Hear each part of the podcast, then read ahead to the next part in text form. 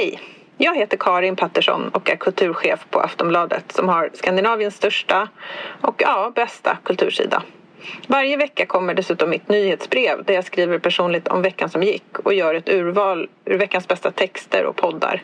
Både hos oss på Aftonbladet Kultur och på andra ställen. Nyhetsbrevet kostar ingenting och du får första tjing på inbjudningar till våra event och samtalskvällar om litteratur och idédebatt.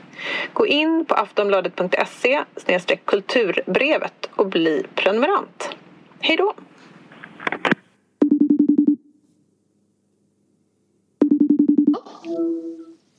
Hej. Läget? Jo, det är bra. Ta ditt, kan inte du ta ditt face en gång till? Du är jättefin. Jag ska bara... Förlåt. Jag börjar igen och skapa jätteoskön vibb. Vad fan, det var dålig anslutning. Um...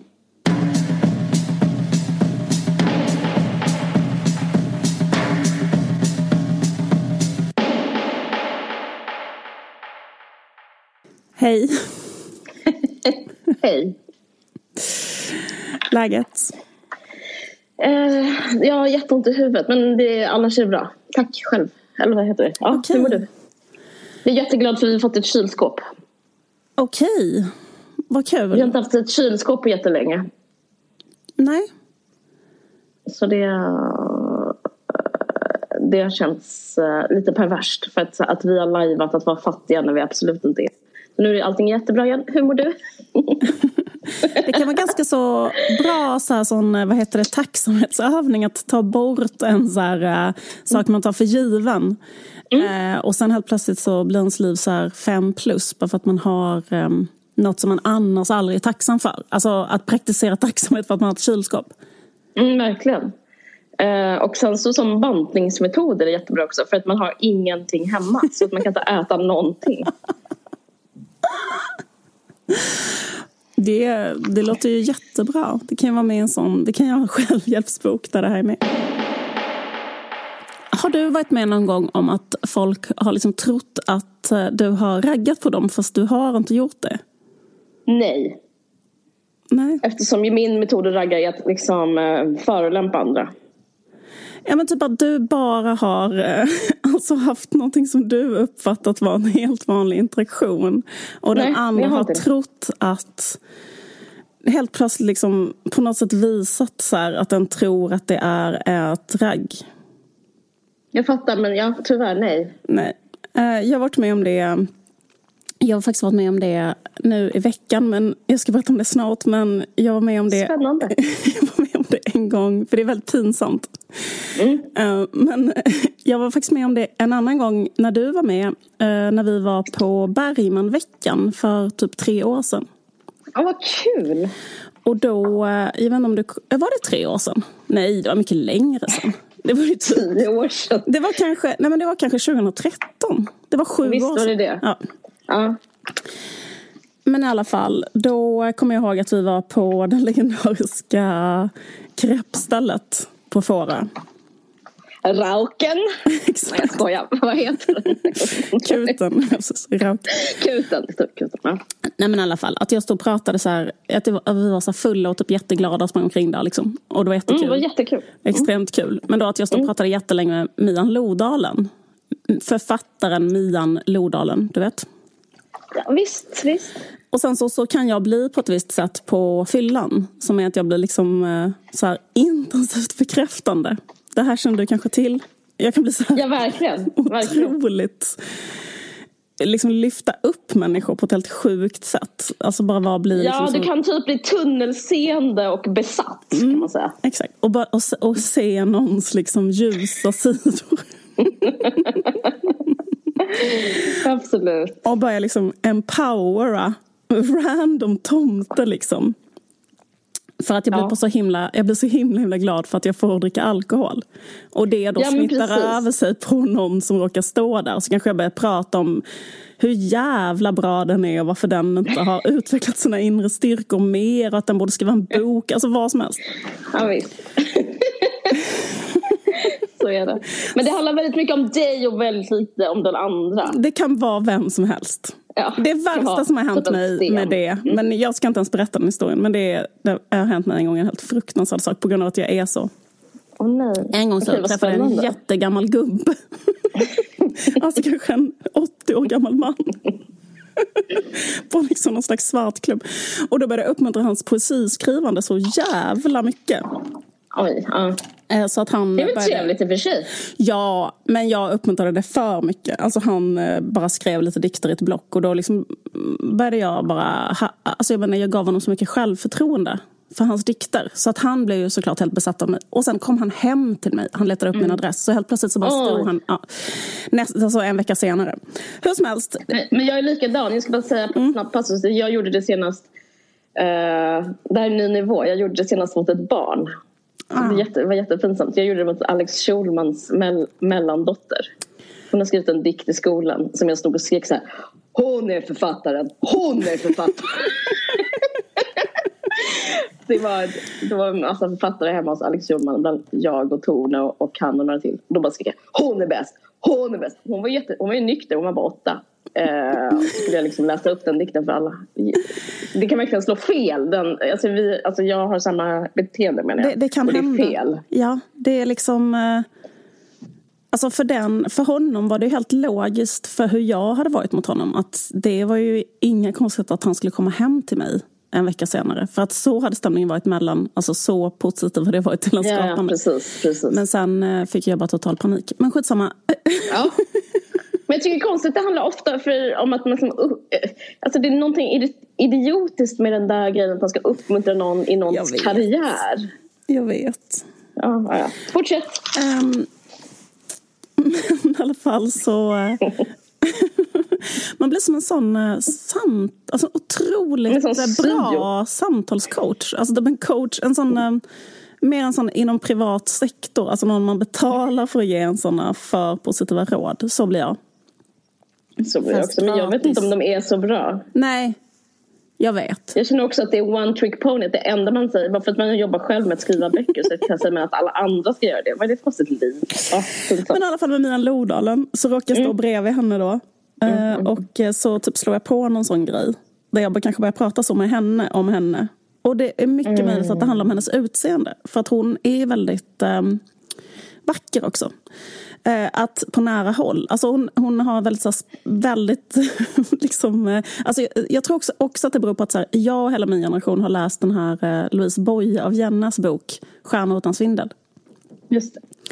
Och där finns Den är väldigt, jättebra. Ja, den är jättebra. Och där finns väldigt bra beskrivningar av Mia Lodalens utseende. Så när man står så här på nära håll så kan man komma ihåg sådana passager med att hon har så fräknar och alltså hur hennes hu, hy är. Och att så här tunn fräknig hy och ja, jag inte. Det är ändå 30 år sedan och du tycker hon bra betyg till hennes utseende om du liksom Hon är såg det skit, nu. hon, alltså för sju år sedan var hon skitsnygg fortfarande. Men Ja, jag, tror inte, men jag, var inte, jag var inte alls intresserad av henne såklart. Alltså, det, liksom. men då kommer jag i alla fall ihåg att, att hon helt plötsligt, från att vi har så ganska trevligt, så ser jag en sån skiftning i henne där hon liksom bara så tar typ ett litet steg bakåt och börjar prata så här väldigt, väldigt intensivt och högt så om sin flickvän. Typ så här Ja. där, där det blir så här, eh, min flickvän, min flickvän, min flickvän, samtidigt som hon liksom backar lite grann. Ja, exakt. Ehm, Hon trodde du stötte på henne. ja, exakt. Eh, och eh, hon visste inte att det bara var min eh, konstiga Du bara var full. livscoach som kom ut när jag är full. alltså, men, ehm, men nu så eh, har det hänt igen på ett annat sätt. Och den här ehm, det är för att, det här är också en anekdot som berättar lite hur det är att vara en serietecknare. Life as a comics artist. Gud vad spännande. I alla fall. Jag håller hela tiden på med olika konstiga idéer till mina serier och liksom behöver hela tiden exempel och behöver olika människor hit och dit och liksom letar och har alltid mina antenner ute. Ja. Ett litet latent projekt som jag håller på med är att göra serier om astrologi. Och då Ja, kanske jag har liksom så här, jag har liksom 40 grejer på gång samtidigt hela tiden i huvudet och det är någonting och det drar i någon tråd. Förlåt, du, du prasslar så jävla mycket med någonting. Vad är det? Oj, förlåt. Jag ber hemskt mycket om ursäkt. Men det gör är att jag, uh, okej, okay. jag, jag, jag, jag, ska, jag har slutat nu. Jag äter lunch. Jag äter lunch, men jag ska inte göra det. Det var kul, det lät som att du tog sån eh, plastförpackning och bara sa Rickard från Hur som helst så, eh, så har jag haft någon sån spaning kring människor som börjar leva med djur. Alltså, det finns vissa människor som börjar leva, alltså vill hellre leva med djur. Och liksom, det är kända exempel är så kvinnor som lever med, det är mycket, vanligt att kvinnor gör det, alltså börjar leva med apor till exempel. Alltså, det finns ju olika sådana eh, det finns en kvinna som har levt med orangutanger. Birute Gimbutas är en kvinna som har levt med orangutanger till exempel i kanske 20 år. Okej. Okay. Eh, och så vidare. Hon Sawyer och så vidare. Exakt. Diane, eh, vad är det för andra hon heter? Fossi heter hon. Fossi, förlåt. Mm. Och sen så finns det fler. Men i alla fall. Kvinnor gör det tror jag för att de är liksom så bra på att um, vibba in på andra människors liksom känslor. De har så mycket empati. Och så blir de liksom mm rastlösa bland vanliga människor. Att de vill liksom levla upp. så de är mm. så här nu har jag redan avläst och förstått all, alla människor. Ge mig mm. en orangutang istället. Liksom. Mm. Mm. Så ska jag visa hur bra jag är. Eh, mm. Sådana slags mm. kvinnor. Men nu i alla fall så var det en man som jag läste om som är liksom egentligen en konstnär från England. Mm. Som har levt en kort period som get. Alltså bergsget. Vadå som get? alltså, han har Alltså detta var kanske två år sedan han gjorde det. Han konstruerade, han ville leva som bergsget. Han hette Thomas mm. Twaings eller sånt där. Och han konstruerade mm. någon slags eh, liksom ben som han kunde ha på armarna. Så att han istället gick på alla fyra. Mm. Och så bodde han liksom med eh, getter kanske på någon klippa. Men han är kanske typ en konceptkonstnär. Mm, jag hör. Och eh, så var jag så här. Det är väl, då har man väl det för bra om man ska göra så. Det tycker jag, alltså jag tycker det är dekadent. Men jag, det här handlar inte om mig och mina åsikter. Fortsätt. Ja. Nej, men det är han i alla fall. Då försöker jag leta mm. och så blir jag så här, jag måste ha med honom som exempel. Men, men vad är han för stjärntecken? och så letar jag så här överallt, dammsuger internet, läser hela hans hemsida, hans biografi, letar efter hans mejladress, hittar liksom ingenstans. För han är liksom inte så känd, även om han har typ gett ut två böcker. Och så, här. så funderar jag på, så här, ska jag mejla hans förlag och fråga så här, vilket datum han är född? Men så tänker jag, ja, men jag letar, jag kollar på Instagram, då finns han på Instagram. Mm. Och då bara DMar jag honom så här snabbt. Jag bara... Hello, I am from Sweden. I love your work. I love your work. I am an artist from Sweden. I'm just wondering what zodiac sign you are because uh, I'm working on a project, vet bla bla bla. Mm. Då svarar han... Du är. Ja. Sånt här håller jag på med hela tiden. Ja, det är bakom kulisserna. Jag hade aldrig gjort det. Jag hade, hade du inte? panik av, ja, av den idén. Fruktansvärt att behöva göra det. Men jag, det var jättekompetent av dig. Alltså, ja, va, va, på vilket sätt skulle det vara fruktansvärt att slida in till någons DMs? Ja, ja. Det är jättepinsamt. Men jag håller... Nej men det, kän, att det känns jobbigt, inte att det är pinsamt. Att det liksom bara känns som en jättestor um, uppförsbacke att vandra, tänker jag. att slida ja, men in visst, till någon man inte känner. Absolut. Men han, jag menar inte att det handlar om att han är känd. Men bara liksom den, eh... Han är inte så känd för då hade det stått på hans Wikipedia-sida vilket datum han är född. Men nu ja, står det inte där. I alla fall så svarar ja. han jättesnabbt. Eh, så här, ja, I am a Sagittarius. Och sen skriver han så här. Of course. Mm. My wife though is a Capricorn. Ja, ja, jag fattar. Eh, och sen en konstig smiley. en smiley som inte uttrycker några känslor. En smiley som betyder liksom... Stäng dörren ja, om dig. stäng dörren om dig. stäng dörren när du går. oh, vad kul. Det bara kändes så himla jobbigt att liksom... ja, men vet du vad? Ofrivilligt ha raggat på en sån getman.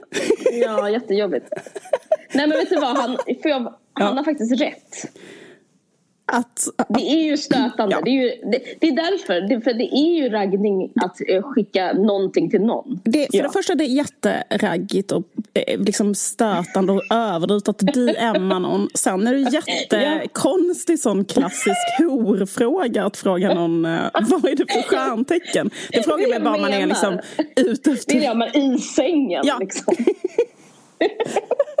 Det gör man medan, medan man liksom ja. klär av sig sitt sista klädesplagg. Nej, men alltså... Och visst är det så. Du vet att han har rätt. Jag vet att han har rätt. Men sen också så tycker jag det är så intressant med den kategorin killar. För den finns faktiskt också som är så himla duktiga på att signalera att de är upptagna. Alltså, ja. Det var ju också duktigt av nian får man ge henne där.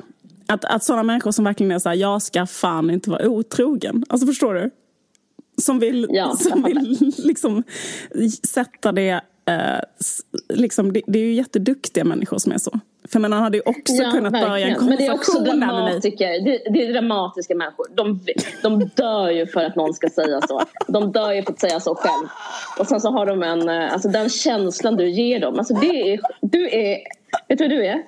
filantrop. Du älskar människor. Du är så generös. För nu har du gett liksom, två förhållanden på kort tid en extra spark. Alltså, ja men precis. De hittar ju på. Alltså, själv skulle man ändå vara så think twice innan man tänkte att någon raggar på Eller hur? Man skulle inte, vara, man skulle inte ta det som det första tanken. Han raggar på mig. Man skulle, man skulle väl mer så. Uh, han raggar nog inte på mig. Det var gränslöst. Men, men jag tror att liksom, det finns ju någonting slags kokett och självförhärligande med att tro att alla raggar på ja, men Jag säger inte att Låndal är så. Men alltså, beteendet är ju liksom a whiff narcissistiskt. Absolut. Samtidigt som jag kan förstå honom om någon kontaktar honom på DM och frågar efter hans stjärntecken. Ja, att det låter... Men han kan inte veta att det verkligen är rakt av mitt jobb att göra det. Det är bara en arbetsuppgift för mig. Det, fast den, det, om du säger det så är han bara, kommer han bara gå ännu bara, åh, hon var så kär. Hon försökte förklara bort det. Undrar vad som skulle vara det mest liksom, roliga jag skulle svara tillbaka nu. Att om ja. det skulle vara så här Wow, I'm an Aquarius myself. It's the perfect, uh, you know, that yes. the, the polyamorous signs for us three would be really our perfect match. Nej, um, eller... Um, det var jättekul. what star signs were the goats that you lived with? Is your wife a goat?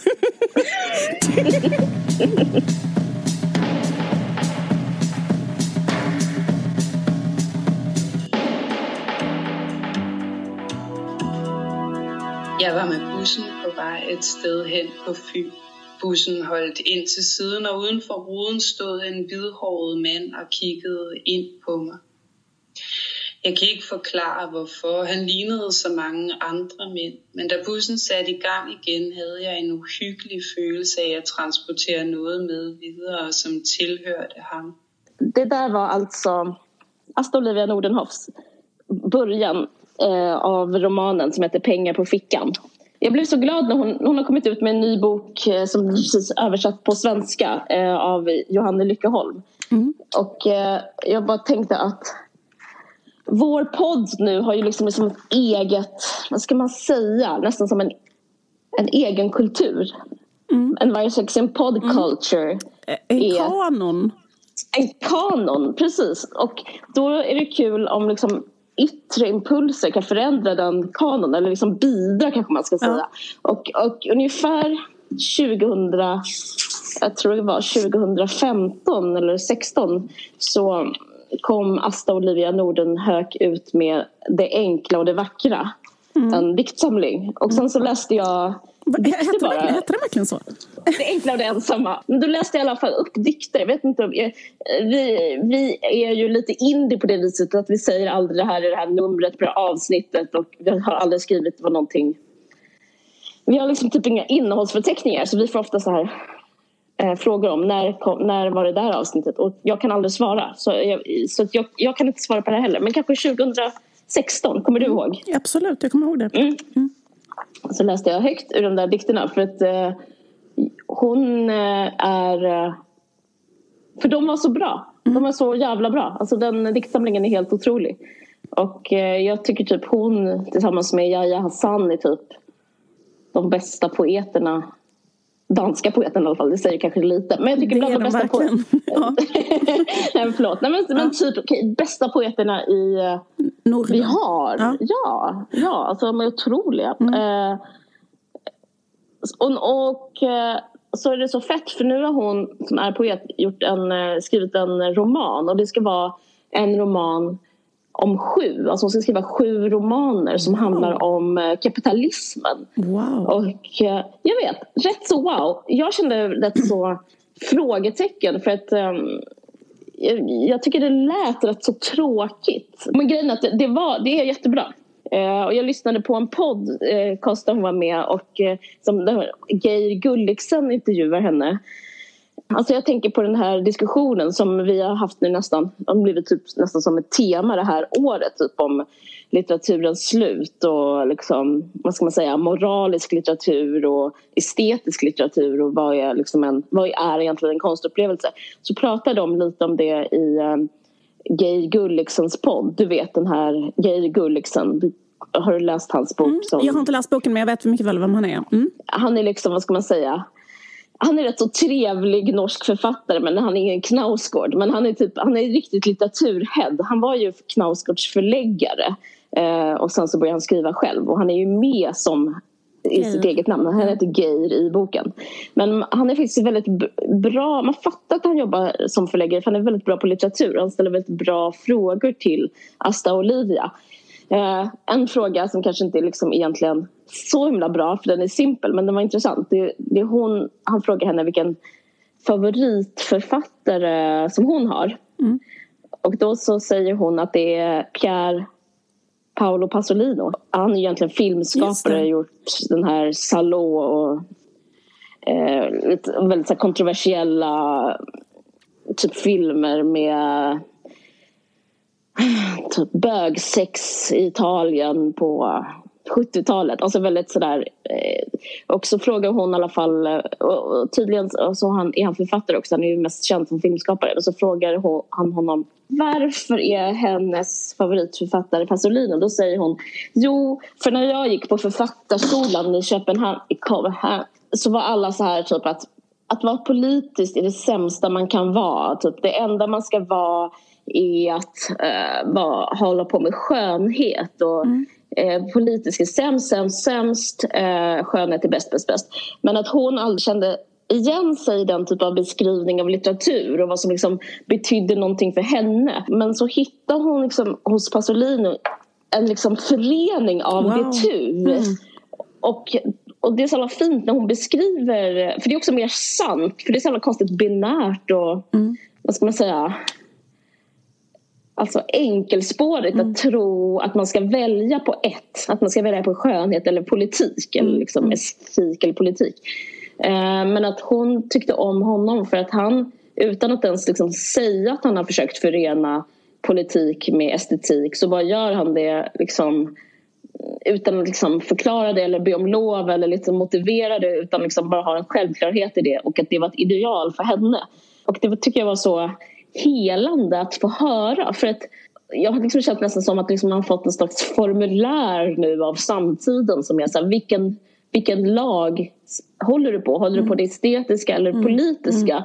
Och så har det varit så svårt att så välja lag. Mm. Um, och sen så kanske det ändå så blir mer det estetiska men då är inte det då, håller, då är det liksom kommer med en liten lögn eh, ja. personligen för mig. Mm, eh, absolut.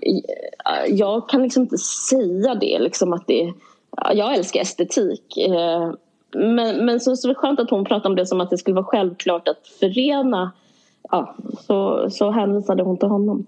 Nej, men jag kan berätta lite om den här, vad den här boken handlar om. Den heter Pengar på fickan. Och jag ska inte dröja med en lång berättelse. Jag, jag tyckte Sydsvenskans recension sammanfattade det så bra. Eh, Sydsvenskan skriver så här. April 1990. Den danska författaren Asta Olivia Nordenhoff var, var bara två år gammal eh, så utbröt inte mindre än fyra bränder på fartyget Scandinavian Star. 149 personer varav 28 barn dog. Några chefer fick kortare fängelsestraff för bristande säkerhetsrutiner men ett antal personer cashade också in väldigt mycket på försäkringspengar. Kring denna händelse kretsar Nordenhoffs roman Pengar på fickan. Shit. Författaren radar upp massa fakta om branden, räddningsarbete, ägarförhållande och utredning. Sen följer ett brandtal direkt till läsaren där hon skriver döden är inte ett misstag. De som dog i branden dog för en idé. Något eller något kan behöva dö för att andra ska kunna vinna. Det är idén. Alltså, kapitalismen är en massaker.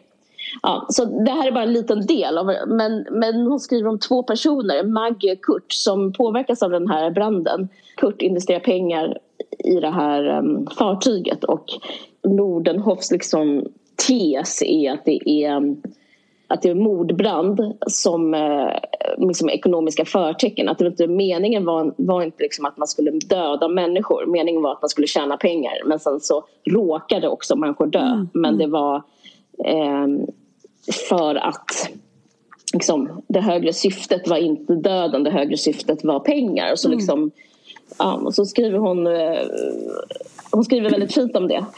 Eh, och jag tänkte läsa lite om hur hon skriver om det men det här är bara en del av boken. Så liksom, om någon känner sig avskräckt för de tycker att det är för politiskt så skulle jag bara... Det är liksom bara kanske 10 procent av hela boken. Och det finns också liksom en metanivå som är lite loll och det är att hon vill ju förena de här två grejerna men det är när hon inte skriver om det här som det är som bäst. Men det här är också bra. Och jag tänkte bara skriva hur... Eh, eh, eller tänkte bara läsa hur hon skriver om det på ett fint sätt. Okej. Okay. Nej, döden är inte ett misstag. Det är en del av ordningen. När en hel by får cancer efter att ha jobbat med bekämpningsmedel på ett amerikanskt bananplantage var det kanske inte rakt av sjukdomen och döden som var avsikten. Men det var ett offer som bananföretaget från början var villiga att göra. Döden är inte ett misstag. Ett mord är ett mord även om det var pengarna och inte precis den andres liv som mördaren ville åt. Någon och något kan behöva dö för andra ska kunna vinna. Det är idén.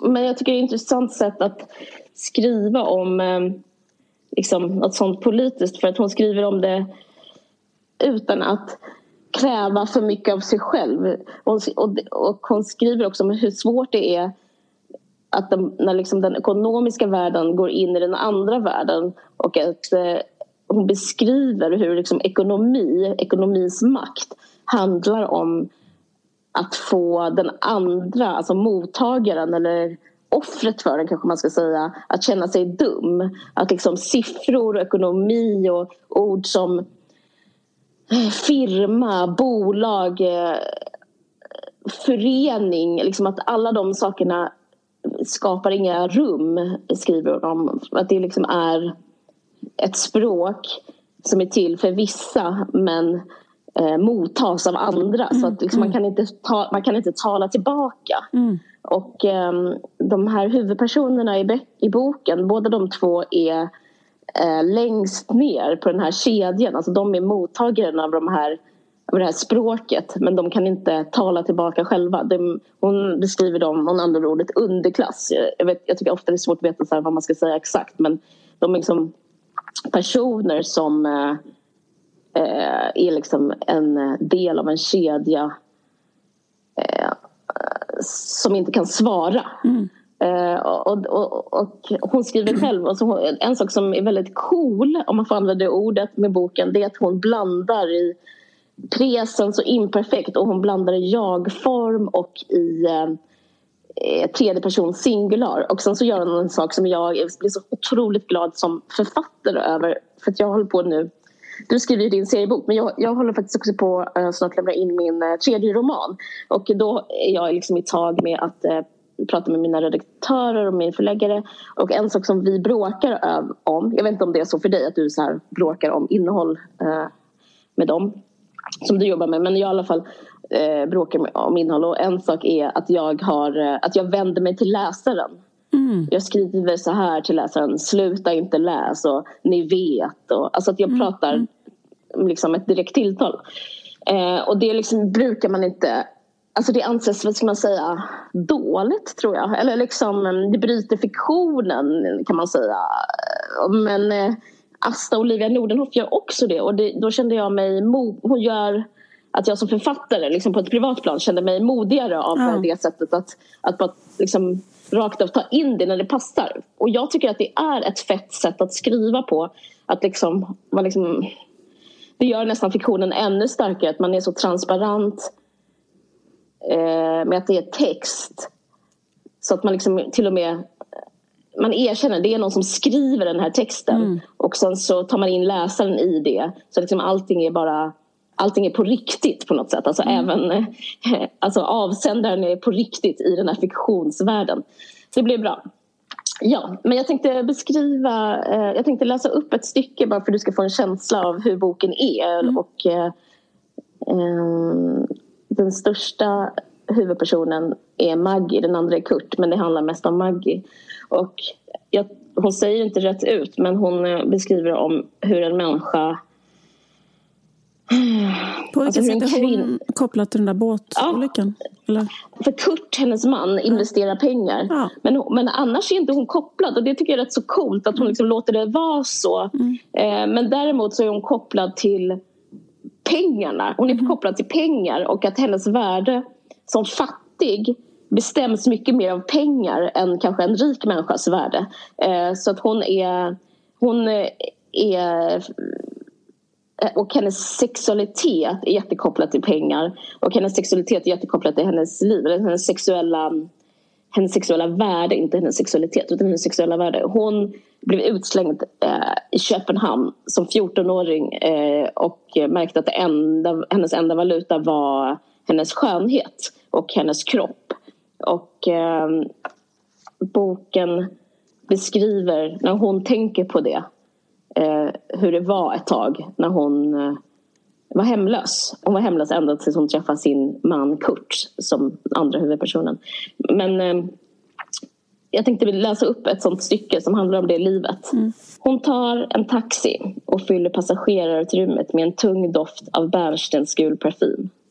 Framme i lägenheten börjar mannen hon träffat ett par dagar tidigare förevisa sin nya dammsugare. Han trycker på knappen och håller fram röret mot henne. Titta hur den suger.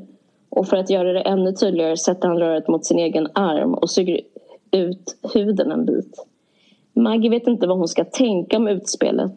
Hon dricker av rödvinet som säkert är dyrt. Bakom hennes arroganta grimas är det som om botten faller ur en hink. Som om höfterna nästan inte kan hålla inne vattnet, skrattet. Hennes plan är att få stanna här minst en vecka. Det ska fylla den lucka som har uppstått mellan andra möjligheter.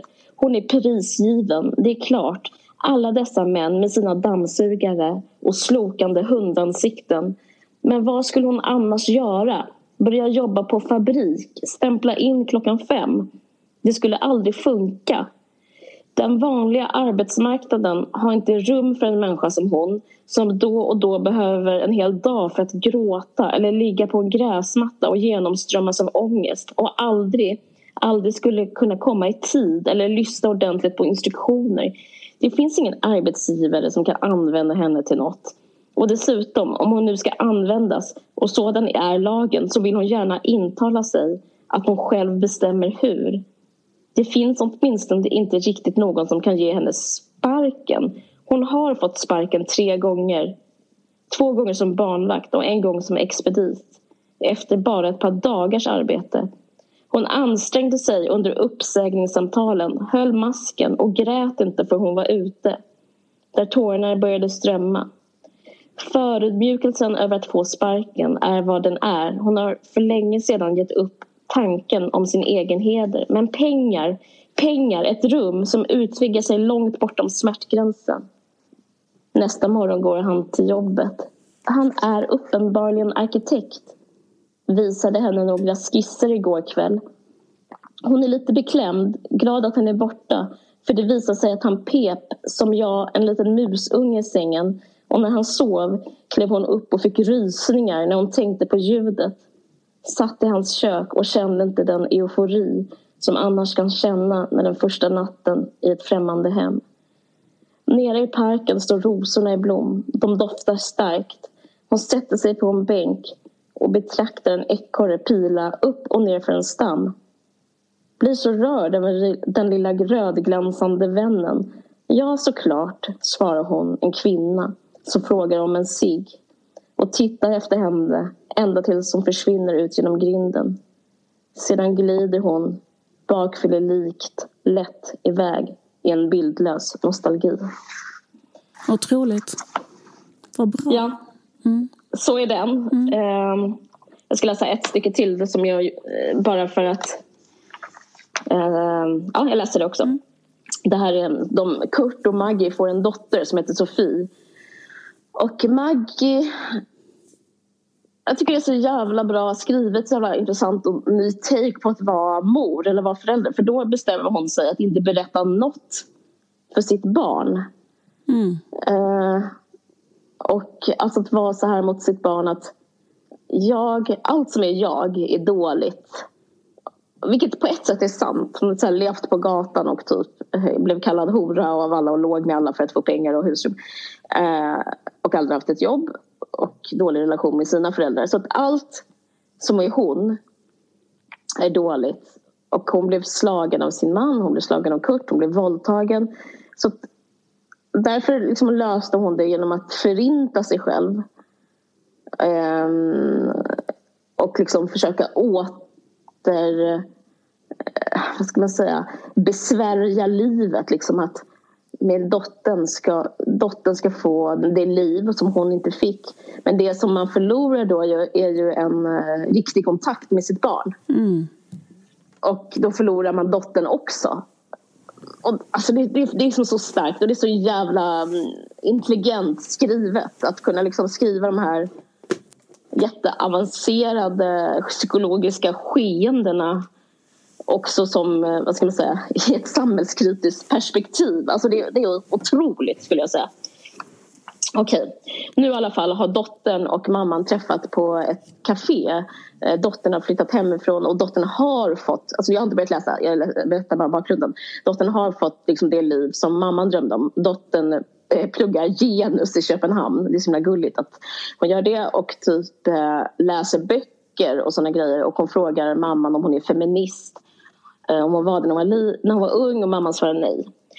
Eh, och de köper en juice som de delar på och så börjar de skratta. Ehm, och mamman känner liksom att hon inte... På den frågan till exempel, var du feminist som ung? Så känner hon... Hon kan liksom inte ens börja berätta om ja, men typ, hur hon blev mm. behandlad och hur hon liksom vart vad hennes liv var. Alltså mm. de typ av ord. Alltså, hon upplever faktiskt det som en förolämpning i förhållande till liksom, det hårda livet hon har levt. Mm. Men eh, i och med att hon inte berättat något, någonting innan så kan hon inte förebrå sin dotter heller. Så det börjar bli så här stora, stora avstånd. Men så händer en sak.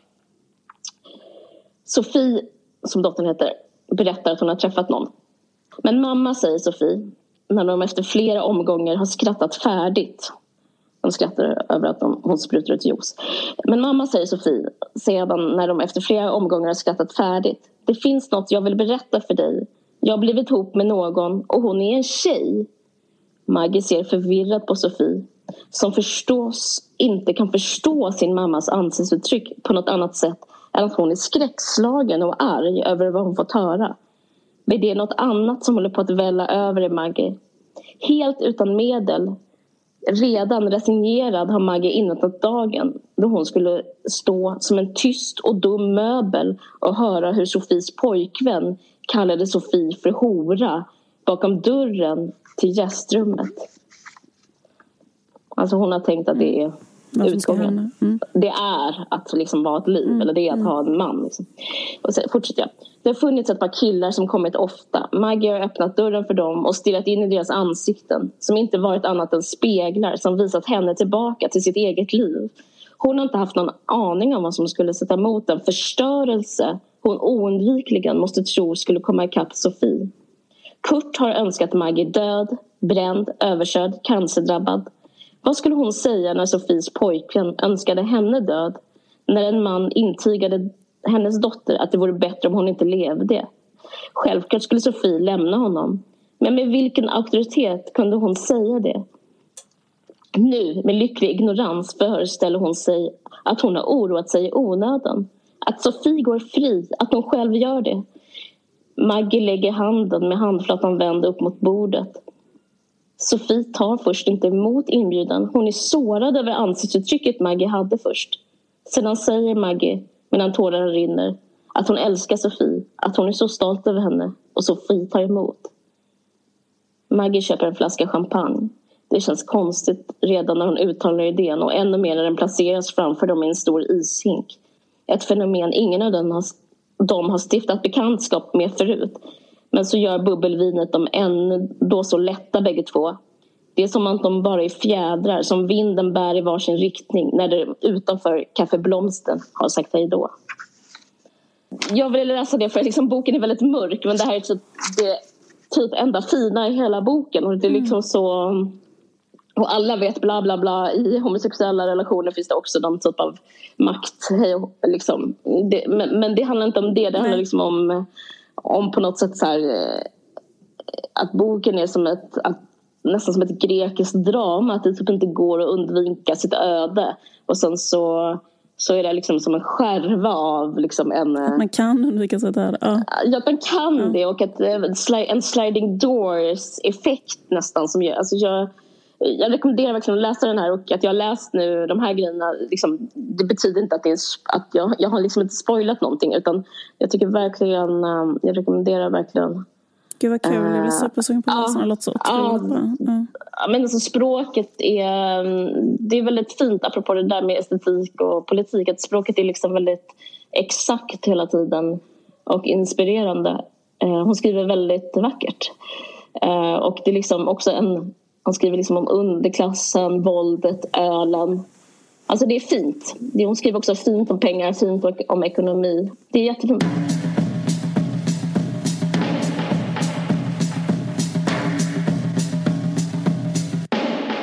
Jag har eh, också faktiskt eh, tagit del av text. Eh, jag har också tagit del av text. Så jävla konstig brygga. Men vi tar den.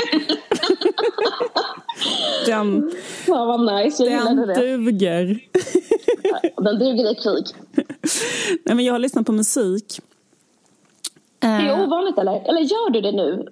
Vi har ju pratat innan också om att här, vi inte lyssnar på så mycket musik och jag eh, känner en viss avundsjuka, eller svartsjuka att du har börjat, eller? Jag vet, jag har börjat lite grann att lyssna på musik. Ja. Men jag, till exempel jag var ute på landet och träffade min bror och hans tjej och de lyssnar jättemycket på musik och då var vi liksom ute i på kvällen i kanske ett naturområde och förstår menar, låg på en brygga på natten när det var månsken och liksom lyssnade på musik från en högtalare. Eh, det var, det var så, då, då brukar alltså jag... Otroligt. väldigt otroligt. Och då fick jag också upp ögonen för vissa låtar som de spelade för mig. Mm. Eh, och eh, sen är faktiskt en grej som jag nästan brukar göra det är sen att man väljer en låt var. Jag brukar göra det med mina barn, mina lite större barn. Igår, igår till exempel satt vi och spelade kort och då brukar vi köra att man spelar en låt var. Um, oh i, i tur och ordning. Alltså att man får turas om att bestämma musik. Ja, men inspirerande. För att jag har tänkt på det där eh, för vissa föräldrar. För jag är helt utraderad och, och, och har ingen... Vi lyssnar bara på deras, eh, deras musik. Ja. Ja. Ja. Men det, det, och det känns jättetråkigt på ett sätt. För kan man liksom inte visa heller vem man är som människa riktigt. Men, ja. Alltså vi gör uh, nästan aldrig det här. Så det här var liksom en otroligt så här, eh, nu låter det som att det är en sån liksom vanlig grej vi gör. Men det, det bara råkade vara så här just igår. Men eh, grejen att det är faktiskt väldigt, eh, det är jättebra. För, exakt, för det blir liksom, jag fattar att det är jättetråkigt för dem att jag ska spela musik. Mm Eh, samtidigt så kommer jag ihåg att mycket av den musiken man gillar nu kan ju vara sånt som ens föräldrar spelade i ens hem när man var liten och så. Verkligen. Så därför är det ju tråkigt också att inte spela musik för sina barn. Ja, visst. Men det är kul också för att de lyssnar, eller min mellanson då, han lyssnar på Travis Scott. Så jävla, så jävla rörande. Kan jag tänka det är gulligt. Så bra. så gulligt. Så Mina döttrar lyssnar bara på Barbie Girl av Aqua. och jag och min killes eh, diskussioner, vi, vi pratar bara om hur vi ska undanhålla den videon för dem. Ja, vi, för jag tycker det är fel att visa sexualiserade kvinnor. Ja, men, men, den videon, hon är väldigt kort och har liksom kortklippt rött Det hår. är, det, är inte det, det är inte det största problemet att hon är kort. Lene. Nej, men jag menar att hon hade en stil som inte var riktigt Barbie girl. Alltså jag bara menar att hon hade att hon hade liksom typ, en- om jag minns rätt, hade hon en rödfärgad snagg? Eller? Jo, Och men sen hon var det andra tjejer i publiken. Eller vet är, det, är, det är jättemycket att, hon, att de är liksom... Barbies. eh, Dockor. Barbies, liksom. Objekt, sexobjekt Ja. som olika män får levande genom deras touch. Nej. Usch! Ja, det är det där. You can push my gear. Just det. Eh, Kom, vad fan Undress det? me, ev- undress me everywhere. Nej, nej. Ja, det är hemskt. Men jag tror inte det behöver vara så farligt, för de förstår inte det. De tror ju bara, ja, att det är som en docka. Absolut inte. Jag vet inte vilka, vilka idioter till barn du umgås med. Mina barn förstår absolut vad det handlar om. Det är fruktansvärt. Alltså vadå, de fattar inte vad det handlar om. Eh, alltså, Om de, jo, om, om de skulle se videon när någon liksom... ja, ja. eh, Men jag menar att de förstod den engelska dem. undertexten av Nej, nej, nej, att det handlar om sex. nej, nej, nej, nej, nej, precis. Men det är det jag menar. Nej, texten är lugn. Men, men som de får se videon när de typ tar av eh, kläderna. Ja, och det. typ det eh, att det är sak. kåt stämning och eh, de börjar leva när de får en caress och sånt där. Jättehemskt. Skitsamma. Eh, Berätta nu om, din- om din musik. Eh, Det var bara en parentes. Nej, men jag tänkte bara spela upp eh, några låtar som eh, jag har lyssnat på på sista tiden som har så himla bra text. Mm, mm. Ehm, och eh, då eh, får man bara spela liksom 30 sekunder av en låt. Alltså i den här podden så får vi bara spela 30 sekunder av en låt av liksom upphovsrättsskäl. Eh, Den första som jag tänkte tipsa om då är en låt som heter Cycles som är eh, inspelad av Frank Sinatra 1968. Men den är skriven av en kvinna som heter Gail Caldwell. Jag tycker han börjar eh, sjunga så himla fint. De första två raderna är otroligt fina. De är så här.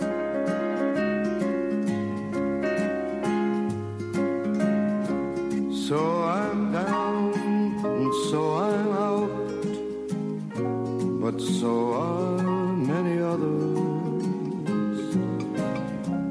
So I feel like trying to hide my head neath these covers.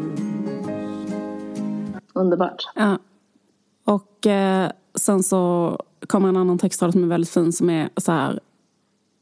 Den handlar om livet helt enkelt och att livet går upp och ner. There isn't much that I have learned through all my foolish years except that life keeps running in cycles. First there's laughter, then there's tears. Och den andra låten eh, som eh, har en så jävla bra text är en låt av eh, en låt som jag har lyssnat på rätt så mycket nu som heter Love is strange. Och den, eh, den är gjord eh, först 1956 av en grupp. Men den här versionen är det gruppen Wings som har gjort som är så här Paul McCartneys projekt som han gjorde efter Beatles. Jag hatar Paul McCartney det är min sämsta Beatle.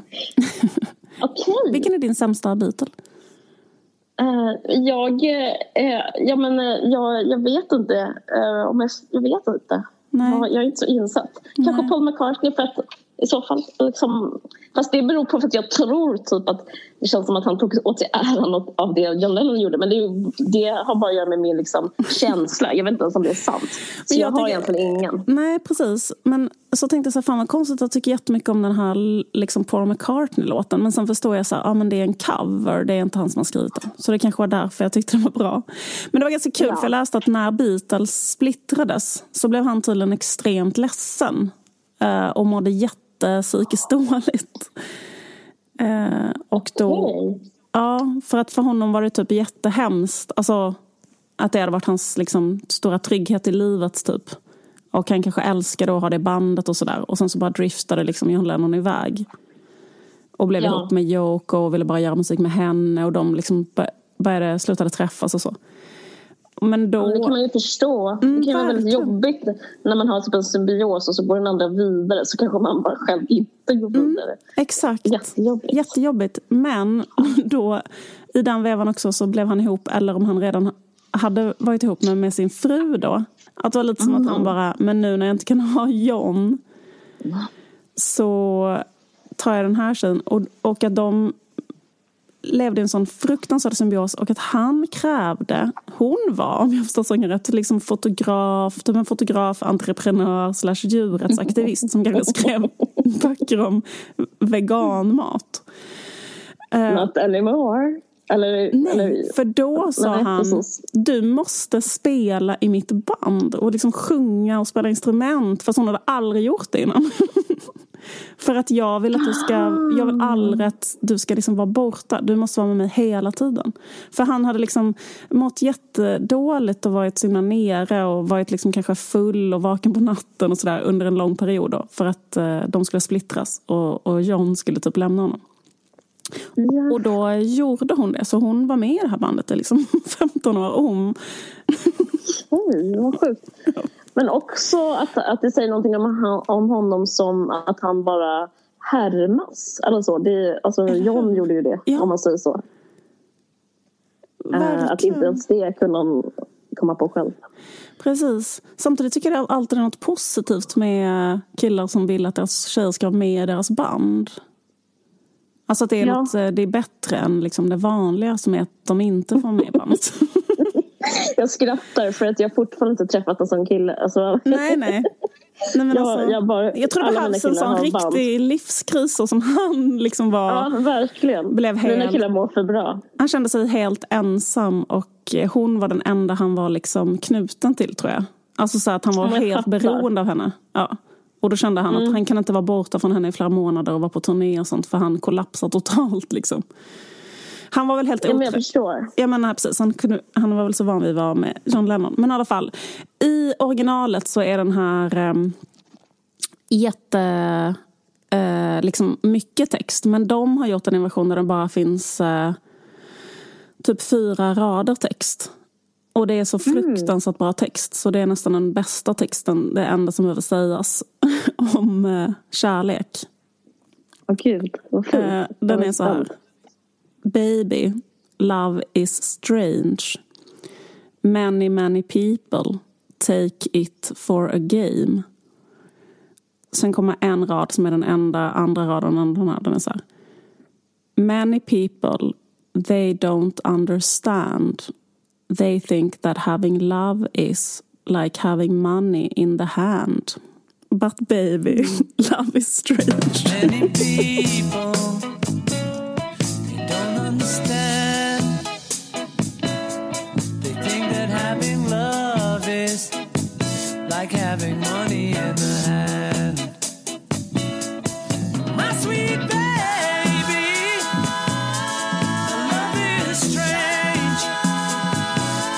Yeah, many, many people seem to take it for a game. Jättebra. Visst är det bra? Ja, jättebra. Jätte, jättebra. Mm. Ja. Och han sjunger så jävla bra. Ja, jag rekommenderar varmt att lyssna på den här låten då. Wings, Love is strange.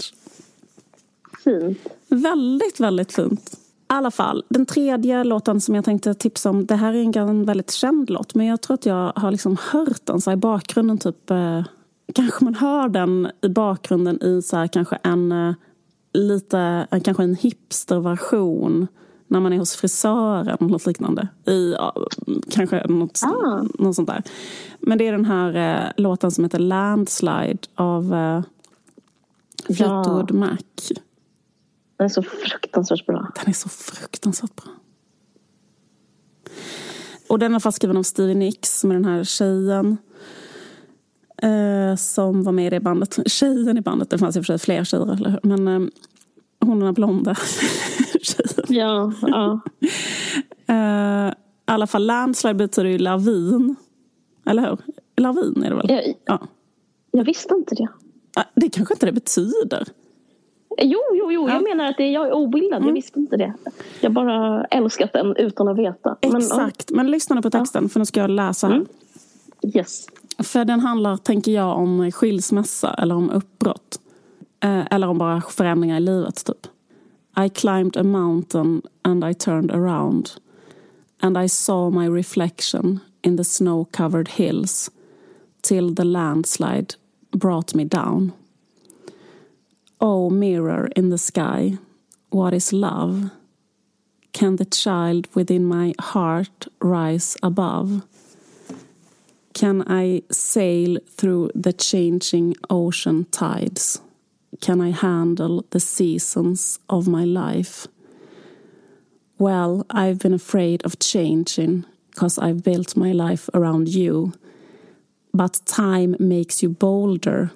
Even children get older, and I'm getting older too. The seasons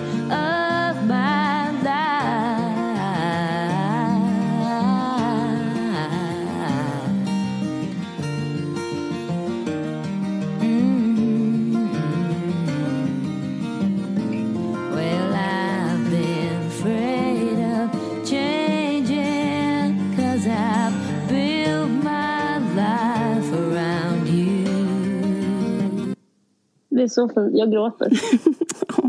Jag Det kommer tänkte säga det innan du sa det. Jag kan inte lyssna på den låten för, alltså för Vad att är den din relation är så den bra. Ja, jag vet. Nej, bara att den, att den är så bra. Det går typ inte att lyssna på den. Nej, jag vet. Den är så sann och bra. Jag och vet. Den, den, och den, var ju, den, den texten står ju för sig själv också. De andra, jag, jag fattar att du tyckte om de andra texterna men jag, jag tror att musiken spelar in en större roll. Men den här Mm. texten är skapar bilder på ett sätt som är liksom eh, står för sig själv. Jättefint. Jag, eh, jag gråter på riktigt, rinner tårar här. Jätte, jättebra. Men fint du läste. Tack. Vilket avsnitt. Vilket avsnitt. Eh, Mm, jättebra. Vad kul. Lyssna, jag såg också dig. Eh, men lyssnade du då på den, på den där bryggan i naturen, den här låten? faktiskt Det verkade inte så- just på den här låten. Ah, synd. Okej, för jag tänkte att du låg där och tittade på himlen och lyssnade. Ja, ja gud. Nej, men jag lyssnade på de andra låtarna där, det kanske förstärkte. Men Okej. jag tror, att, jag tror att, eh, att den här, Ja. man måste ligga ner exakt eh, i gräset och kolla lite grann upp mot himlen. Ja. Det var lite underbart.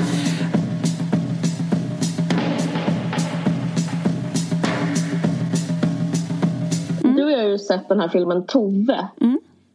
Ehm, Och vi pratade men om den. Ja, vi pratade om den. Och jag, vi pratade mycket om Hur. Muminmamman. Just det. Vad sa du? Nej, just det, förlåt. Ja. vi pratade mycket om Muminmamman. Också hur bra den här Tove-filmen var. Och hur my, alltså, härlig, härlig eh, epok den skildrade av Finland. Och eh, Ja. att ha kul i Finland, typ. Eh, Hur kul att Ja. ha kul i Finland Mm. på 40-talet. gud, Eller ja, 50-talet. ta mig dit. Eh, ta mig dit nu, för i helvete. Nej, men, eh, det var väldigt bra och eh, jag, blev, jag blev grovt eh, klädmässigt inspirerad och det blev ju du också. Mm. Det var så jävla, den var så jävla vacker den filmen. Mm. Men då hade vi bara streamat den och suttit hemma med våra tråkiga datorer. Men nu så kan man nu öppnar man upp. Man kan börja gå, gå på bio igen. Och, Gud, vad mysigt. to- den har, ja, och den, den har fått ett datum. Den har fått... Eh, alltså biograferna öppnar officiellt första juni och eh, då kan man gå och eh, se den. Och eh, jag ska säga lite om den så att man vet vad man ska se. Det är en kvinna som heter Saida Bergroth som har regisserat och eh, hon som spelar Tove heter Alma Pöysti. Och sen så andra goa eh, eh, ansikten som vi känner igen är Shanti Rooney som spelar Toves man som har den där jättefina eh, vad var det? Nattsärken? Nej, pyjamas. En otrolig pyjamas på sig som, man, jätte- som är värd att se i full screen. Alltså, Ja, verkligen. Eh, Den är också nominerad, det här visste inte vi innan, eh, men den är nominerad till 10 Jussi. Det är finska Guldbaggen. Okej. Så den ja, de har väl lyssnat på en Versac sin podd. Nej, jag skojar. Men den, de, de tycker också att den är jättebra. Vi kan erbjuda tio fribiljetter till våra lyssnare. Då kan man göra så här. Att om ni skriver in ert namn eh, och så får, alltså, att ni vill gå och se den här så kan vi eh, skicka dem till er. Alltså jag behöver eh, namn och adress. Eh, så de tio första får, eh, får se de här gratis. För att eh, det är väl lite krångligt med Finland och rabattkoder och sådär. Så vi kan inte erbjuda något sånt. Men vi kan erbjuda att verkligen gå och se den. Och de tio första som hör det här kan skriva in sitt namn och adress till eh, oss. Eh, på ska man skriva det? Enlive. Ja, men jag tänker att de skriver... Vi har ju en Facebook-sida. Ja. En Varje sträcker sin podd. Wow. Så, ja. Gud vad kul! Mm. Och eh, även om man inte blir en av de tio, fan vilken mysig eh, grej att göra. Att gå och kolla på den. Eh, alltså att äntligen få komma Mm. på bio med någon härlig vän kanske och eh, kolla på den underbara filmen. Fan vilket eh, vad kul. Jag tänker göra det. Jag ska gå, tror jag vill gå sen igen. Ja men precis. Nej, men det kändes konstigt att vi pratade om någonting vi tyckte så mycket om och sen kunde inte vi liksom ens säga ja, nu kan ni se den. Men nu kan ni se den. Mm. Så ja, eh, vi är jätteglada för det. och eh, det här är alltså ett samarbete med filmen Tove. Mm. Okej, tack så mycket filmen Tove. Tack! och eh, Nonstop Entertainment som distribuerar den i Sverige. Next story, next story, next story. Det är fortfarande så underbart så att vi blir eh, sponsrade och har ett samarbete med Nextory som eh, eh, också då eh, är en eh, väldigt bidragande orsak till att den här podden finns. Eh, så vi vill säga tack till dem för det. Och vad är Nextory? Caroline, kan du berätta för våra lyssnare? Det är ett bärbart bibliotek. För oss som inte orkar bära men älskar böcker. Ett väldigt lätt bibliotek. Det väger ungefär lika mycket som en smartphone. Förstår du?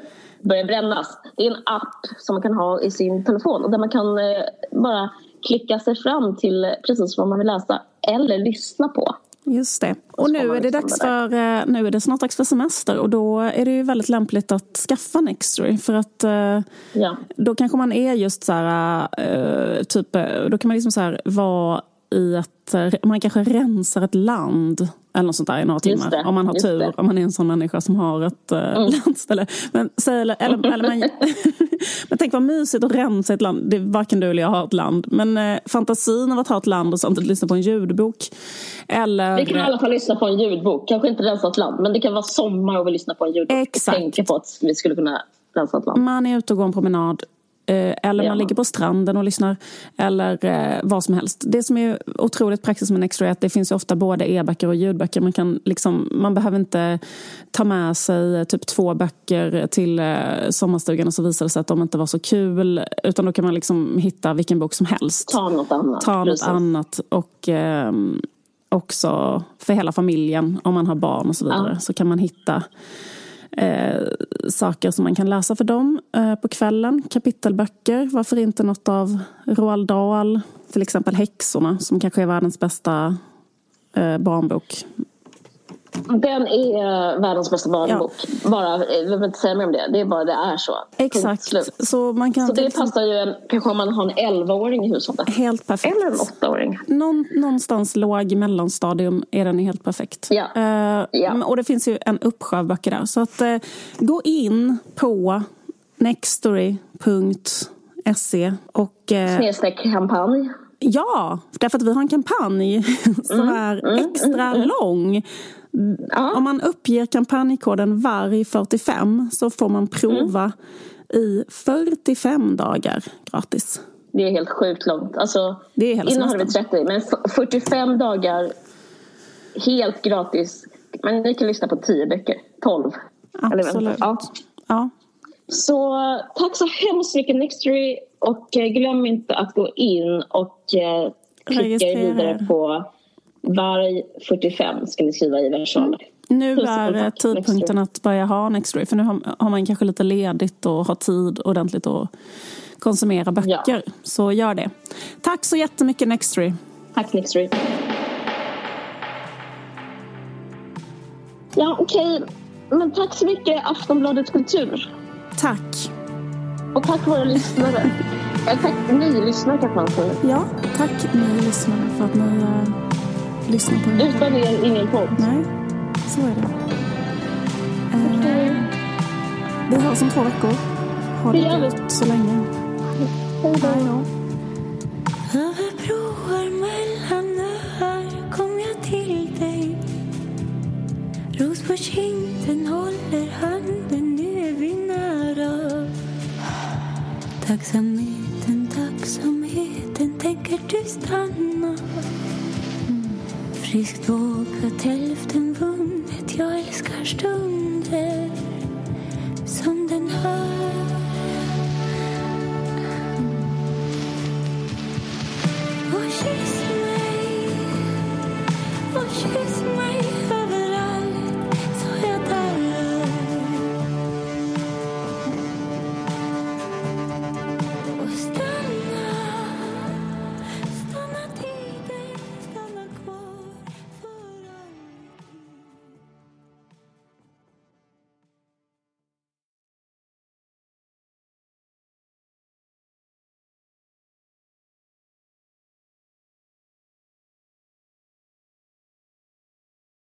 Du har lyssnat på en podcast från Aftonbladet. Ansvarig utgivare är Lena K Samuelsson.